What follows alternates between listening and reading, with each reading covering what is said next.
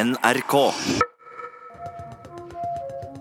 8.07.1995 blir den norske backpackeren Hans Christian Ostre kidnappet av geriljagruppen Al-Faran i Kashmir i India.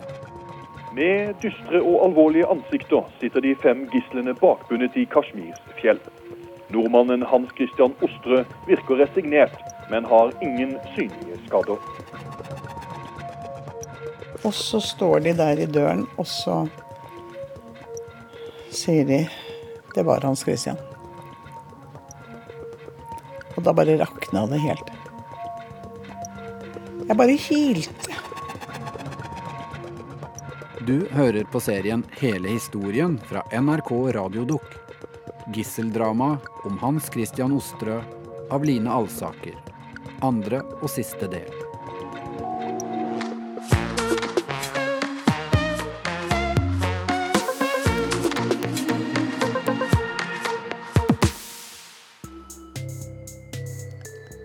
Husker veldig godt været den dagen jeg så den første sida. Da var det sånn nydelig sånn ah, En av de første sommerdagene, tror jeg. Hvor du liksom kjenner at alt er sånn varmt og deilig. 12. juli 1995 er Hans Christian Ostrøs venninne, Tone Donald, på vei til jobben i nærradioen Radio Rakel i Oslo. I en av sidegatene ved Vår Frelsers gravlund passerer hun en kiosk. Så stoppet jeg bare helt opp, for det var på den tiden hvor eh, Dagbladet og VG sto i, sånn utafor eh, med førsteside. Og der var jo han på førstesida.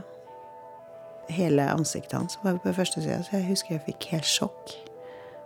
Og jeg ble helt eh, Jeg ble helt satt ut. Hjemme hos Tone henger det postkort fra India som hun har fått av folkehøyskolekameraten Hans Christian Ostrø. Det er ansiktet hans som dekker forsiden av alle avisene i stativet. Hans Christian er kidnappet i Kashmir, på grensen mellom India og Pakistan. Shahshed Afer ved ambassaden i New Delhi, Fridtjof Torkelsen, sitter nå på flyet til Kashmir for å få frigitt Ostrø. Og Torkelsen sa dette til Dagsnytt like før han dro i dag morges. I utgangspunktet så håper vi jo i grunnen det beste. Vi har jo ikke erfaring for at de tar livet av utlendinger på denne måten, så da vi regner jo med at denne saken kan løse seg. Men de ønsker jo internasjonal oppmerksomhet, og det er jo det de får på denne måten. Det er geriljagruppen Al-Faran som har tatt Hans Christian Ostrø og fire andre vestlige gisler. De muslimske opprørerne i Al-Faran vil ha 21 geriljakrigere løslatt fra indiske fengsler for å sette gislene fri. Fristen for å innfri kravet er satt til midnatt 14. juli. Hans Christians søster, Anette Ostrø, forteller. Den første natten som var hva skal jeg si, den første deadline da, som gruppen hadde kommet med, at hvis ikke, hvis ikke fangene ble frigjort, så ville de drepe gislene, var jeg da sammen med pappa. Så det ble jo en fryktelig natt. Vi visste ikke hva som skulle skje, vi hørte ingenting. Vi var våken hele natten, ingen av oss sov. Vi sovna litt utpå morgenkvisten. For vi lurte på hva skjer nå. Vil, blir de drept? Eller lever de videre? Hva gjør India? Hva gjør UD? Og så dagen etter så får vi jo, har vi kontakt med UD, og vi får høre at det har ikke kommet noe, ikke skjedd noe nytt, ikke noen nye ting. Altså ingen, ikke noe kontakt fra Al-Faran, ikke noe nytt. Sommeren 1995 er Atta Ansari ansatt som journalist i NRKs innvandrerredaksjon. Han snakker både norsk og urdu, og blir bedt om å finne kilder i området der Hans Christian Ostrø er fange. Vi fikk tips om noen da, lokale journalister i Kashmir, og var så heldige at vi klarte da å opprette kontakt med dem.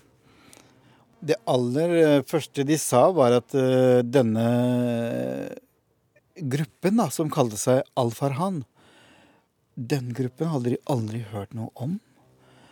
Og det andre de sa, var at uh, det var uh, veldig rart at uh, vestlige turister gikk fritt rundt omkring i Pahelgam-området, som er rett utenfor Sinagar, der Ostro ble kidnappet.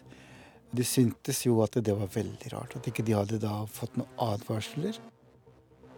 Flere av fangene Al-Faran vil ha løslatt, sitter fengslet på ubestemt tid. De er arrestert for å ha planlagt eller deltatt i terrorisme mot indiske militære og sivile mål. Særlig et par fanger er viktige for geriljagruppen å få ut. Den ene var jo da generalsekretær i en uh, annen terroristorganisasjon som het Harkatul Ansar. Og den andre Det var en britisk, uh, pakistansk uh, ung mann. Og siden begge disse to kom fra en annen terroristorganisasjon, så mente da journalistene i Srinagar på den tiden at Al-Faran var egentlig en utbrytergruppe. Og kom egentlig fra da Harkatul Ansar.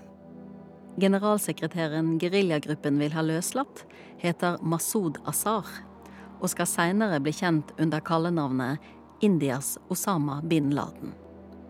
En annen er Mushtaq Ahmed Sargar, som noen år tidligere ledet en kidnapping av datteren til Indias innenriksminister.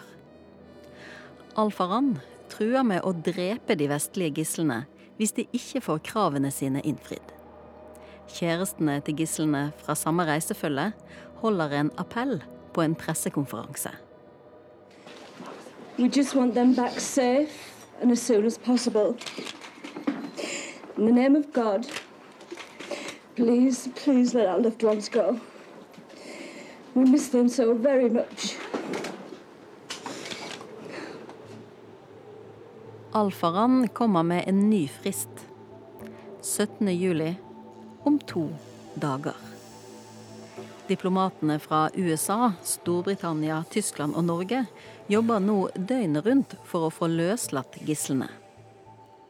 Fridtjof Torkelsen fra den norske ambassaden er i Kashmir. Og via journalister og mellommenn får han levert et brev til Hans Christian Ostrø. Vi spurte om vi kunne sende dem et brev. Så vi skrev et brev til gislene og Hans Christian, som vi da fikk bekreftet gjennom brev fra dem at de hadde mottatt.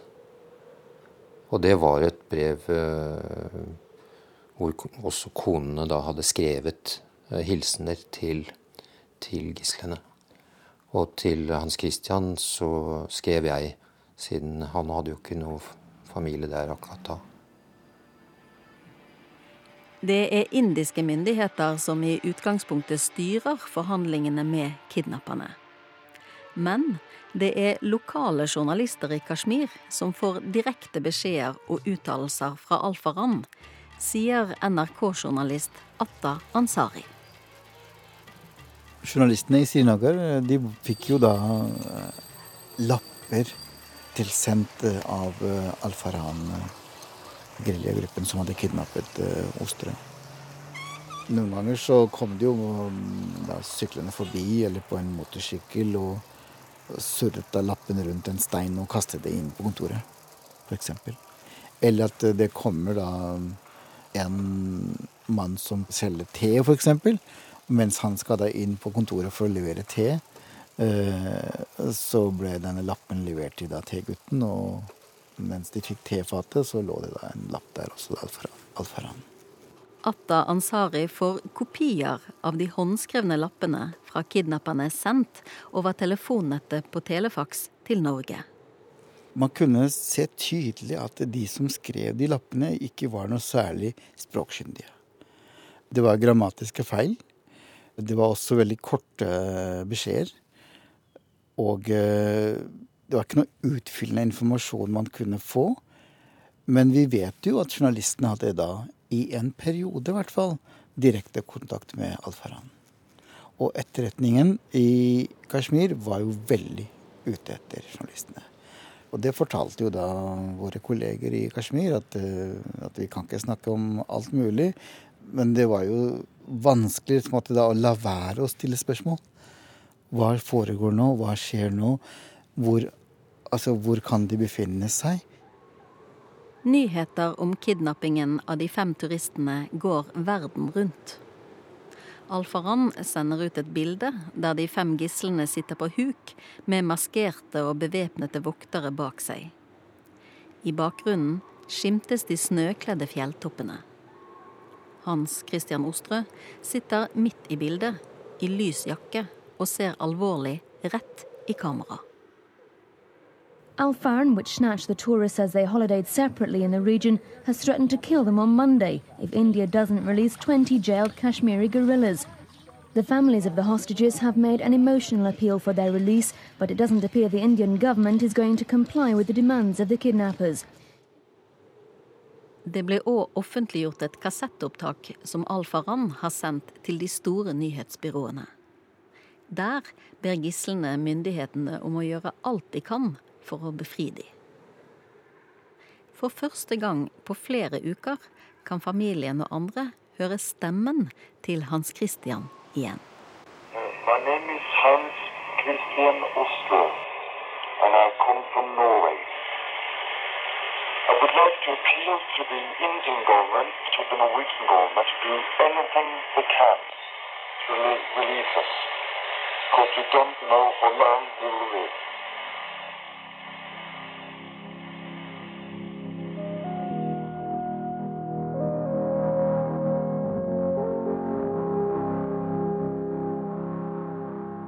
Folkehøyskolevenninnen Tone Donald hører opptak av stemmen til Hans Christian Ostrø hjemme om kvelden.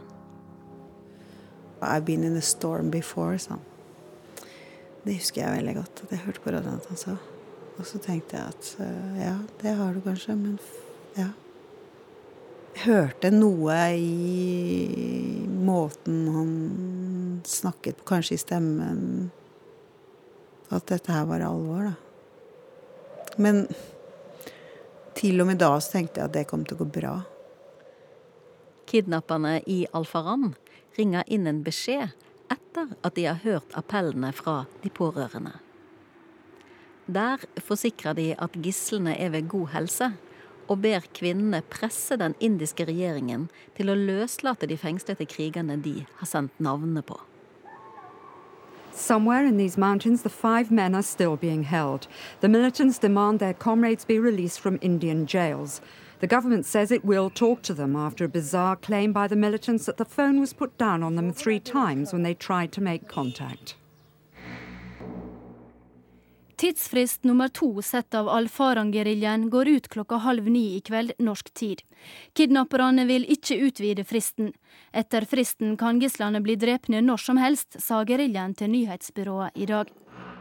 Anette Ostrø og familien må fortsette å vente, mens tidsfristen for når geriljagruppen har truet med å drepe Hans Christian og de andre fire gislene, nærmer seg.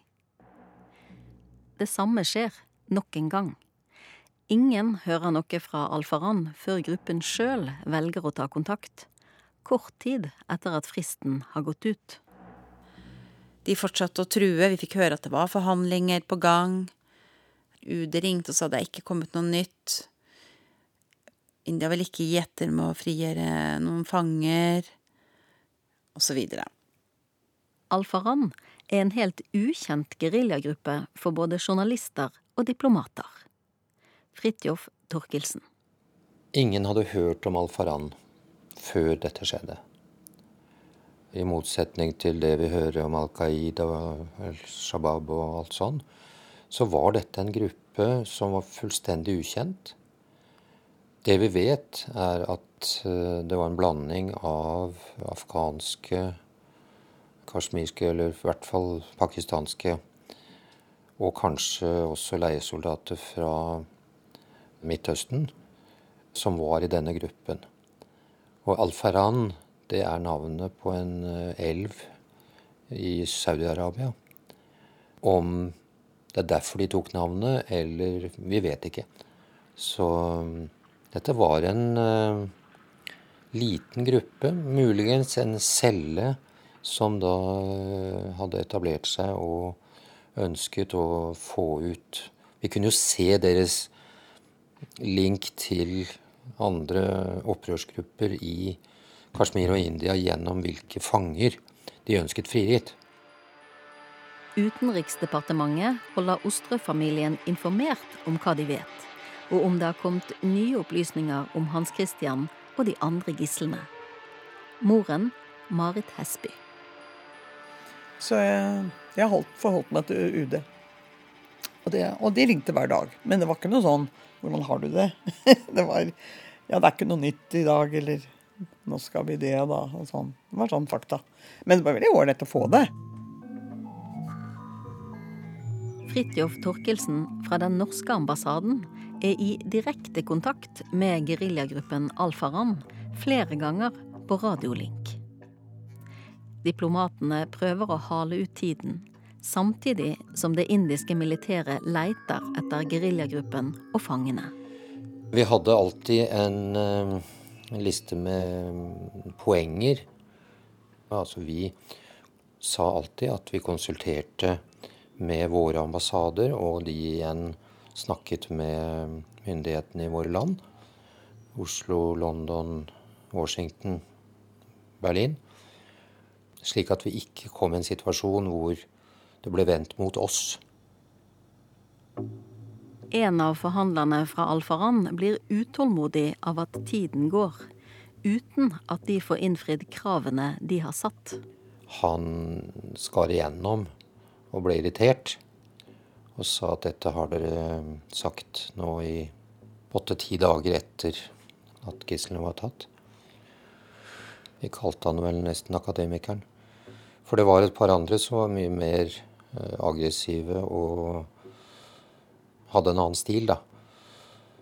Men det var tydelig da at dette var folk som eh, hadde en plan og hadde en strategi.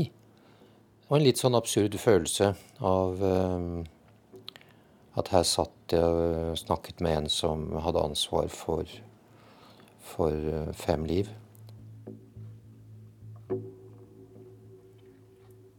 «25 år gamle Anette Ostrø og faren Hans Gustav bestemmer seg for å dra til India. Mest for å være i nærheten av Hans Christian, men òg for å få bedre tilgang til informasjon. Så etter en og en halv uke, tenker jeg, så bestemte jeg, jeg og pappa oss for at vi reiser til India. Vi hadde jo ikke noe, vi hadde ingen referanse. Hvordan er det å være pårørende til, til en gisselsituasjon? Vi hadde jo ikke noe å, å, snakke med, ingen vi kunne rådføre oss med. Hvordan skal, hvordan skal man oppføre seg, hva skal man gjøre? Vi visste ingenting. Derfor så var, føltes det veldig riktig å reise til India. Jeg hadde lyst til det, pappa hadde lyst til det og mamma ville avvente litt. Så da dro vi den 18. juli. Fløy vi da til New Delhi og ble innkvartert i den norske ambassaden som gjester der. I Oslo sitter Tone Donald og Hans Christian Ostres vennegjeng fra Folkehøgskolen og følger med på saken. Jeg husker faktisk at uh, vi var liksom Hvem andre kunne det skje med å bli kidnappa av noen, liksom? Og så lo vi litt av det, faktisk. Og så var det akkurat som det, fordi akkurat som det hadde vært et eventyr, og så ble det bare ble det veldig, veldig alvorlig. Det går noen dager. Så kommer det dårlige nyheter. To av de vestlige gislene skal altså ha blitt såret i dag tidlig, da indiske regjeringsstyrker sporet opp geriljagruppen Al-Faran og skjøt mot dem. Den håndskrevne pressemeldingen fra geriljagruppen ble levert her i Srinagar, nord i det urolige og omstridte Kashmir, nå i kveld. I meldingen står det ingenting om hvilke to gisler som ble såret, eller hva slags skader de skal ha fått. Igjen kommer det bilder. Anette Ostrø. Så var det en, en hendelse Eh, hvor Al-Faran sendte ut bilder av eh, to av gislene, det var ikke Hans Christian, at de var skadet. Og at de hadde blitt skadet i trefninger med indisk militære.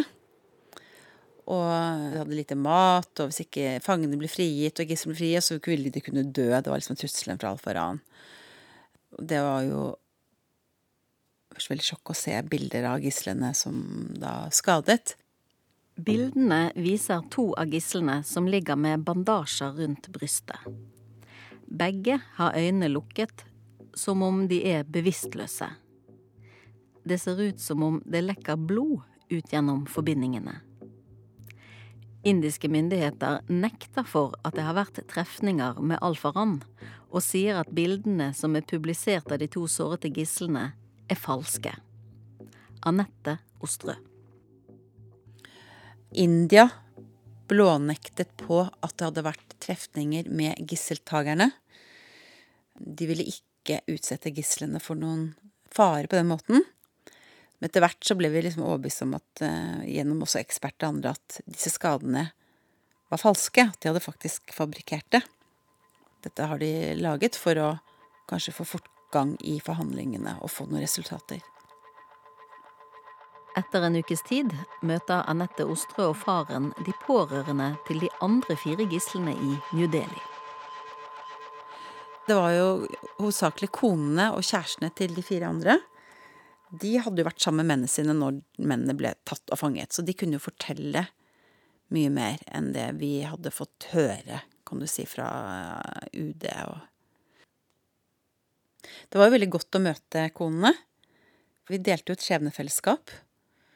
Jeg husker vi stilte masse spørsmål nettopp for det, for å vite mer da, om gruppen og hvordan de opplevde dem. og Beskrev hvordan lederen hadde vært. Han hadde vært litt sånn mutt og veldig bestemt. Han som kommanderte de andre. da. Kidnapperne i geriljagruppen Al-Faram sender ut flere bilder av gislene. Med dystre og alvorlige ansikter sitter de fem gislene bakbundet i Kashmirs fjell. Nordmannen Hans Christian Ostre virker resignert, men har ingen synlige skader.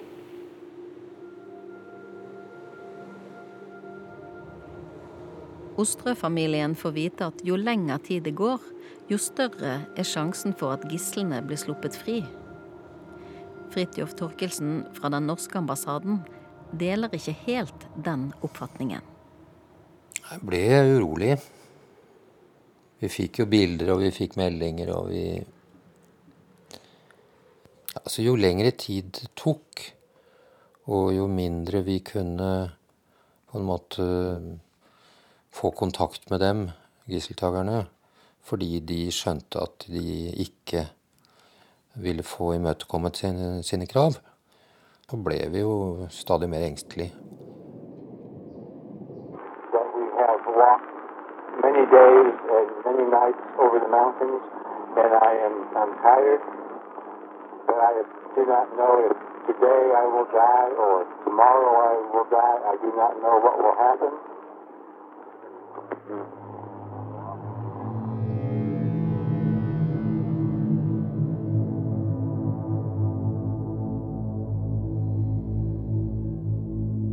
Anette Ostrø og faren stiller opp for den norske pressen. Vi er i en foreløpig litt sånn situasjon til vi har det ganske bra. Og vi er blitt veldig godt mottatt her nede. Og veldig fin kontakt. 17 døgn er gått siden en av deres aller nærmeste ble tatt som gissel av den muslimske geriljagruppen Al-Faran. Men det er òg andre grunner til at gisselsituasjonen drar ut i tid.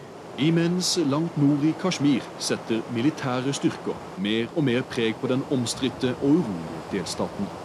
De mange soldatene er ikke sendt ut for å lete etter Hans Christian Ostrø og de andre gislene, men for å beskytte hinduenes årlige pilegrimsferd i dette området. De første hinduene er allerede på plass og klare til å begi seg inn til en hellig Amarnath-hulen. De mange hinduene er på pilegrimsferd til nettopp den hellige grotten Hans Christian Ostrø ville besøke.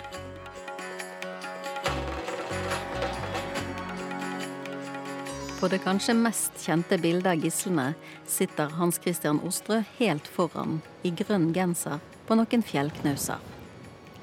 Gislene er ikke bundet. Hans Christian ser avslappet ut og har et lite smil om munnen. Det er ikke et smil moren Marit Hesby kjenner igjen. Han har sånt, hadde et sånt koselig drag rundt munnen. og Liksom, mm, hadde det sånn, eh, men, men det er ikke der. Dette er eh, mer litt forakt, samtidig som Jeg har kontroll. Kidnappingsdramaet tilspisser seg. Gruppen hevder altså nå at tre av de fem gislene skal være syke, så alvorlige at de kan dø. Ifølge meldingene på de internasjonale nyhetsbyråene i kveld skal geriljagruppen angivelig ha frigitt to nye bilder. Nordmannen Hans Christian Ostrø blir ikke navngitt eller omtalt i meldingen. Nyhetene fra India gjør at Hans Christian Ostrøs mor, Marit Hesby, bestemmer seg for at hun og ektemannen må til India. Torsdag 10. landa Marit og Hans Christians stefar, Jon Ryer, i New Delhi. Jeg fikk jo se Anette, da. Det var jo kjempedeilig. I den norske ambassaden får Ostrø-familien overlevert et brev. Det er et brev Hans Christian har klart å få smuglet ut, antagelig ved hjelp av lokalbefolkningen, der han og de andre gislene blir holdt fanget. Brevet er datert 24. juli og er todelt. I den første delen forteller Hans Christian familien at han har det bra, og tror på det gode i menneskene. Han er mest bekymret for om familien er redd, og skriver Vær sterke, for det er jeg. I den andre delen, til ambassaden, etterlyser han en svart notatbok som lå i teltet han måtte etterlate da han ble kidnappet. Denne boken ber han om at ambassaden tar godt vare på. Ostrø skriver at den er tre fjerdedeler full av ting han har skrevet på norsk, og er et resultat av tre måneders arbeid med stykket han skal sette opp til høsten. Hans Christian skriver òg at ingen har fortalt han at det har vært geriljagrupper i Kashmir-området. Turistbyrået advarte han aldri mot de. Marit Hesby og familien får beskjed om å holde brevet hemmelig, og ikke fortelle de pårørende til de andre gislene om brevet. Ingen av de har fått noe livstegn. Og så var det jo Håpet jo da liksom at åh, tenk om de ble satt fri. Tenk om de gjorde det. Så, men det gikk jo veldig fort. Vi var jo da liksom, vi kom fram torsdag morgen. Og så var det fredag-lørdag, så skjedde det søndag, ikke sant. Det er søndag morgen 13. august.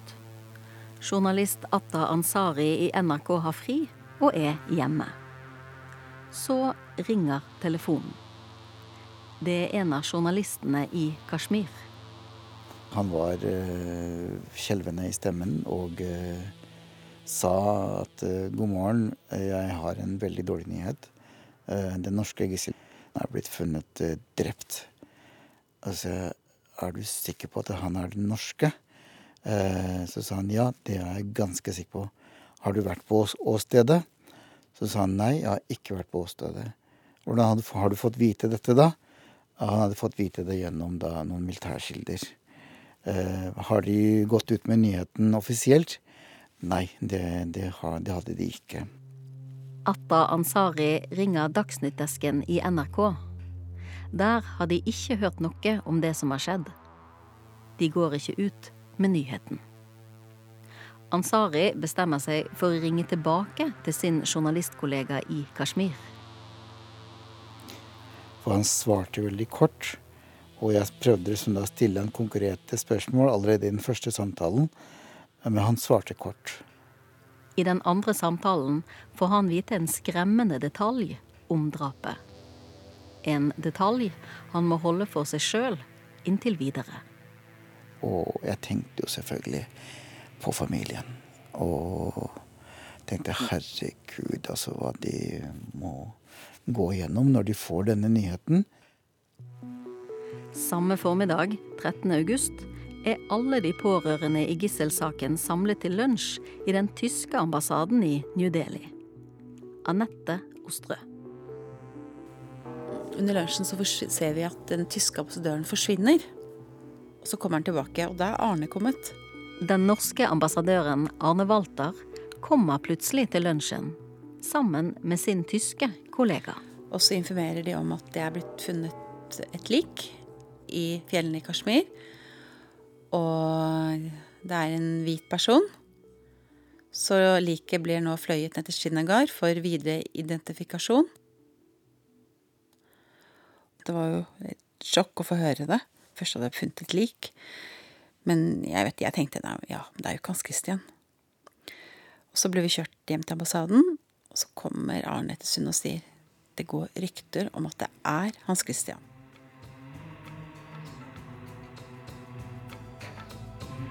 Det går noen timer. Hans Christians mor, Marit Hesby, venter og håper sammen med resten av familien. Hun er den som har vært mest optimistisk i løpet av tiden sønnen har vært kidnappet. Ambassadør Arne Walter kommer tilbake sammen med den britiske legen Andrew Reeky. Og så står de der i døren, og så sier de det var Hans Christian. Og da bare rakna det helt. Jeg vet i hvert fall Jeg bare hylte. Jeg vet jeg bare hylte og protesterte sånn. Jeg visste jo at det var sant. Men det går ikke an. Liksom Nei. Altså bare helt sånn. Men han observerte oss da selvfølgelig, denne legen. Og fikk jo høre at det var en sånn naturlig reaksjon, da. Men det var jo helt forferdelig. For fordi det var akkurat så Og jeg vet ikke Det gikk jo nedover da, liksom, med håpet. Men som jeg sa til deg, at jeg var jo den som kanskje var mest optimistisk, og da blir fallet veldig høyt. Liket av Hans Christian Ostrø er funnet av en kvinne som var ute for å sanke brensel i et skogholt. Ikke langt fra det stedet han ble kidnappet. Kroppen ligger i veikanten. Hodet 20 meter unna. Hans Christian er blitt halshogget. Jeg ringte i hvert fall til noen nære venner. Og de hadde jo sett det på TV. Og så sa jeg vet du hva, han er død. Og han er halshugget. Men de skjøt han først. Jeg trodde ikke det gikk an å ikke gjøre det. Så jeg trodde, eller det, det hadde jeg sagt jeg husker nesten ikke hva jeg har sagt, vet du. Men jeg hadde sagt det til Edde. At han eh, Men de skjøt han først. For det, det var liksom helt ufattelig at man kunne drepe på den måten. Stefaren Jon Ryer vil skåne resten av familien og melde seg til å identifisere Hans Christian. Identifikasjonen skal foregå på en militærflyplass i New Delhi. Men det var jo fullt av pressefolk. Hele flyplassen var full av pressefolk. Og det var ikke meninga at de skulle være der. Og så vi, skulle vi da kjøre ned, og da, hadde, da var båren satt i en Hersven, altså en, en likvogn, som kjørte. Og den var det glass på. Så det var jo journalister foran og bak, og foran oss. Så kom vi til en militærforlegning hvor de også slapp inn. Så det var egentlig et eneste kaos rundt omkring. Jon Ryer må dra tilbake til ambassaden for å vente på en ny mulighet. Til slutt blir identifikasjonen flyttet til et tredje sted. Sykehuset Imperial Hospital i New Delhi. Da vi skulle inn der, så var det en ganske lang passasje jeg måtte gå for å komme minst 100 meter til inngangsdøren på hospitalet. Og Der satt det fullt av mennesker på begge sider, som sikkert var ute i samme ærend som jeg var. Og da tenkte jeg du er i alle fall ikke alene. Han blir vist ned i et kjellerrom. Der ligger Hans Christians kropp på gulvet.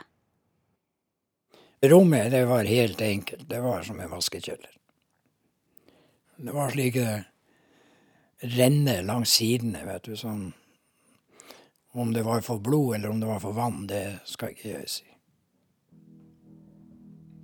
Hans Christians kropp er delvis dekket til. Stefaren Jon Ryer har sagt ifra på forhånd at han ikke vil se alt.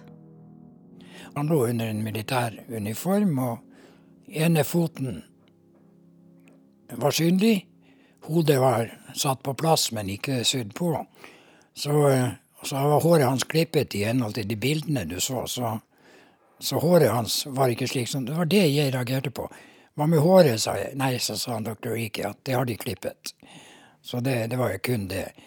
Og så eh, bekreftet jeg at det var han. og Så var det ikke noe mer. Og så kom jeg da tilbake til ambassaden og møtte Marit, Hans Gustav og Anette og skulle fortelle hva jeg hadde sett. Og da sa jeg det som sant var. Jeg hadde sett en frisk ung mann som var drept. Og eh, han var drept brutalt. Men han hadde rolig ansiktsuttrykk. Hans Jeg så på bena hans at han var i god form. For når du har drevet dans, så får du en viss muskulatur i bena. Så han så kraftig ut. Men det bildet som jeg har han for første gang, det har jeg ennå med meg. Det bærer jeg med meg hele livet. Det Jon Ryar ikke ser, er at geriljagruppen har risset inn navnet Alfaram med kniv på brystet til Hans Christian. Sårene viser at det er gjort etter at han er død. Søsteren Anette Ostrø. Det blir veldig virkelig. Det blir eh... Da er det ingen vei tilbake. Da er det Da er det over. Venninnen Tone Donald er på seilferie da hun får høre hva som har skjedd med Hans Christian. Gikk det an, liksom? En nordmann Det var veldig Det var liksom helt jeg, skjønte det ikke. At det gikk an. At man kunne dra på tur oppe i, i noe fjell i India og bli kidnappa, og så drept på en så brutal måte. Det var ikke inne i min virkelighet at det kunne, at det kunne skje.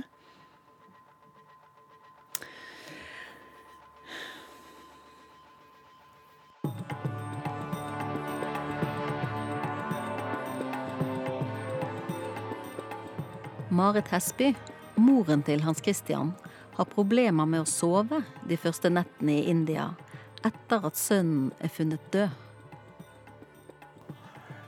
Og om det var første eller andre natten etter drapet Jeg greide å sove litt, men ikke så mye. Men i hvert fall så Så så er jeg sånn halvvåken. Eller jeg, ja, jeg var våken.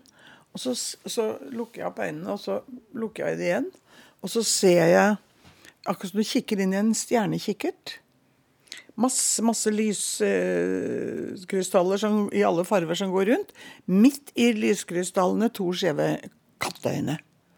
Og jeg skvetter til. Og, og, og lukker øynene igjen.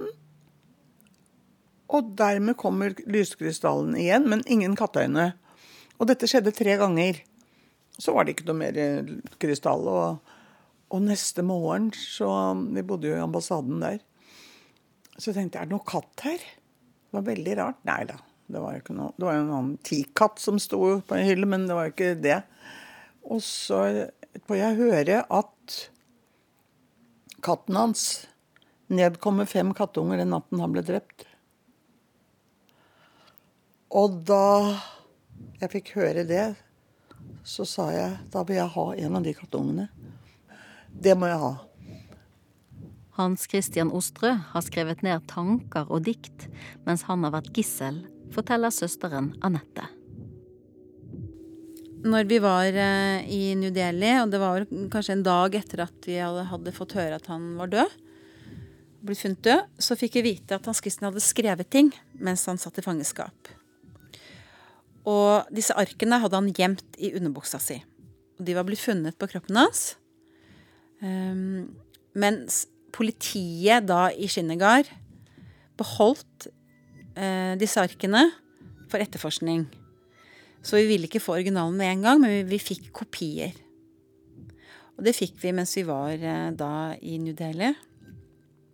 Jeg husker at det var ikke alltid like lett å forstå hva som sto der, for det var litt sånn dårlige kopier. Og han hadde skrevet ting på alle mulige ark som han fant på bark. Altså det var alle mulige reklamebrosjyrer som han hadde skrevet. Blant det Hans Christian har skrevet, er det kjærlighetserklæringer til familien og venner. Og han takker skjebnen, India, Kashmir og Gud. Men det var veldig og utrolig sterkt og flott å få. Se, da, det han hadde skrevet og tenkt mens han var fanget. Det har gått fem uker fra de første meldingene kom om kidnappingen av Hans Christian Ostrø. Nå skal Ostrø-familien hjem igjen til Norge. Søsteren Anette. Da var vi vel et par dager til i New Delhi, og så reiste vi tilbake med Hans Christian Spåre. Og jeg hadde jo ikke trodd vi skulle gjøre det. Jeg hadde jo vært overbevist om når vi dro ned til India, at vi skulle reise tilbake med Hans Christian. Og det gjorde vi jo. Men ikke at han lå i bagasjerommet mens vi satt uh, inne i flyet. Det hadde jeg ikke trodd. Men jeg følte at han var med, da. Jeg følte han fløy sammen med oss tilbake utenfor. Han var til stede. Han føltes veldig nærværende. Men interessen og oppmerksomheten rundt saken stoppa ikke. Hans Christians mor, Marit Hesby. Og så husker jeg når vi byttet fly i London, og så var det da fra London til Oslo.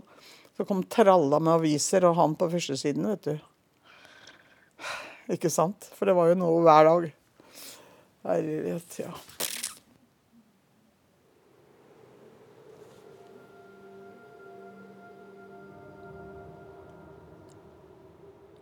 Når vi landet, så eh, var det en sånn seremoni, litt sånn som det er hvis noen har blitt drept i krig. Da vi gikk ut av flyet, og så vi, ble vi tatt imot. Så gikk vi på et område hvor båren med svøpt inn i et norsk flagg ble båret over da fra flyet til en bil. Og Der var det presse til stede, og de tok jo bilder av oss. I en sånn situasjon i en sånn stund. Men sånn var det. Det var liksom ikke Det, det var jo veldig Det var, det var veldig sånn sterkt å se båren hans bli båret over. Løftet fra flyet til bilen. Det er også en sånn scene man har sett på film. og så plutselig står du der, og så opplever du det i virkeligheten.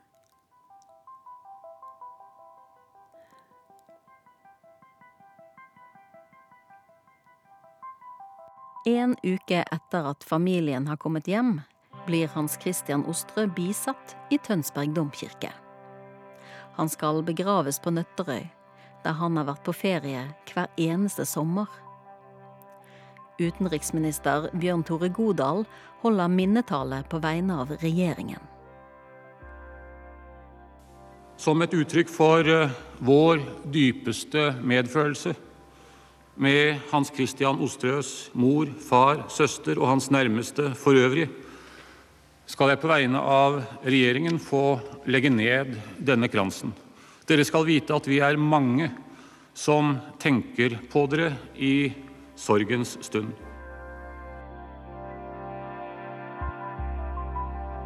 Folkehøyskolevenninnen Tone Donald er òg i begravelsen. Sammen med flesteparten av Hans Christians venner så leste vi uh, De nære ting. Fordi det var en av hans favorittsanger. Å, det hadde jeg glemt. Og da altså, husker jeg at jeg, jeg begynte å gråte. Det syntes jeg var vanskelig å stå der og lese. Og alle vi var jo, var jo Vi var sjokkerte, da. Og det var jo uvirkelig. Men det hadde jo skjedd.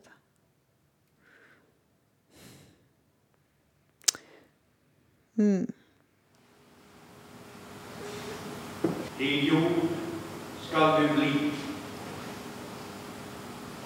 Vi lyser fred over Hans Kristian Osterøs minne.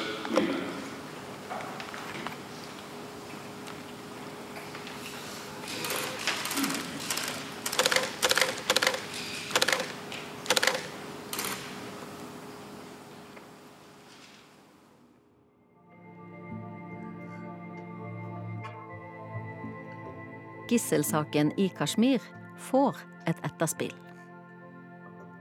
Fire år etter, i 1999, blir et indisk passasjerfly kapret og tvunget ned for landing i Kandahar i Afghanistan. Fridtjof Torkelsen. Det var Taliban som da øh, omringet flyet, men da ga indiske myndigheter etter og friga fem gisler, nei, fem fanger i indiske fengsler. To av de som indiske myndigheter gir etter og løslater, heter Mushtak Ahmad Sargar og Masud Asar. Begge disse to sto på listen over fanger i indiske fengsler geriljagruppen Al-Faram ville ha løslatt i bytte mot Hans Christian Ostrø og de fire andre gislene i Kashmir. Altså Det ble jo fra pakistansk side så ble det hevdet at det var India selv som orkestrerte dette. India mente at det var Pakistan som sto bak. Og dette var jo i 95. Det var på det tidspunktet hvor uh, bin Laden ble utvist fra Sudan. Han uh, var jo i Khartoum på den tiden sammen med flere andre internasjonalt kjente terrorister. Så på et eller annet vis så, så, er det vel en link mellom det som har skjedd i Midtøsten. Men på hvilken måte og hvilke mål de hadde annet enn å få ut noen militante islamister, det, det vet vi ikke. Masud Azhar regnes som en av bakmennene i terroraksjonen i London 7.7.2005. Der drepte fire selvmordsbombere 52 og såret 700 i morgenrushet i en koordinert aksjon. Azar skal, i 2018, fortsatt være i live. Det jeg gjerne skulle visst, det var jo hvem var denne El Faran-gruppen. Det er påfallende at man aldri noen gang har fått noe mer klarhet i det. Så sånne, Det er en del spørsmål som jeg sitter igjen med.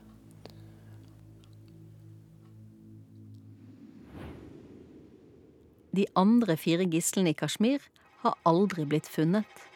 Men det finnes flere historier om hva som kan ha skjedd med de. Én teori er at de ble drept litt seinere, høsten 1995. En annen at de ble drept rundt juletider samme år men ingen vet helt sikkert hva som har skjedd. De pårørende kommer antagelig aldri til å få vite hele sannheten om hva som har skjedd med deres kjære. Ja, det, det, det diktet skrev Hans Christian i fangenskap. Og det, det var på kroppen hans. Henrettelsen av den uskyldige backpackeren Hans Christian Ostrø sjokkerte Norge og verden. Moren, Marit Hesby, har diktene Hans Christian skrev og gjemte på kroppen mens han var fanget. Du er en lettbris av gullstøv, spredt ned i den elven som er mitt liv. Jeg er i dødsfare, overlatt til mennesker som er uten balanse, og til Gud. Du er det vakreste, konkrete jordiske i mine fantasier. Din kropp og utstråling fra ditt vesen er mitt korte håp. Jeg har sett så mye vakkert i mitt liv at det er ikke vanskelig å dø i takknemlighet. Jeg har sett så mye vakkert i mennesker i mitt liv at det er ikke vanskelig å tenke et sterkt håp om å leve.